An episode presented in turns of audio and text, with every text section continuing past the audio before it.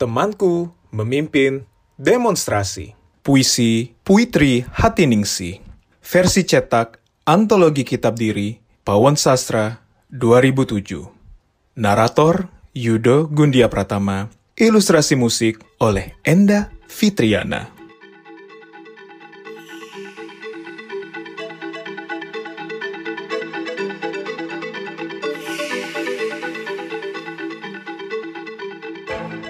Aku tidak berada dalam rombongan itu, tapi hanya menontonnya, mengkhawatirkannya. Setelah aku salami teman-temanku, aku menjauh lagi. Beberapa perempuan dalam demonstrasi itu semua berjilbab dan pakai ikat pita hijau di kepalanya.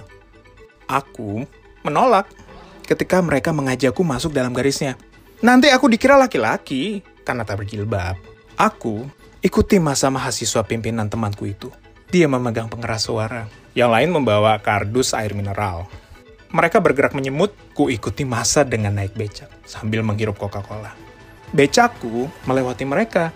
Mereka lewat jalan memutar yang ditentukan polisi. Padahal Malioboro sudah ada di depan, tinggal beberapa langkah.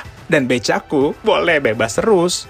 Becakku sampai duluan di DPRD Malioboro. Kutunggu mereka di luar pagar. Saat temanku lewat, kuulurkan Coca-Cola untuknya.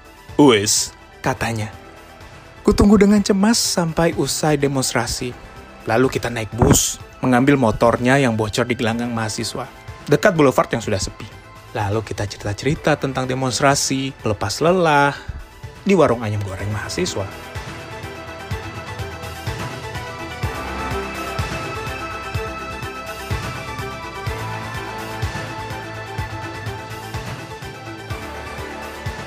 Sastra suara ini hasil kerjasama divalitera.org dan Tokopedia.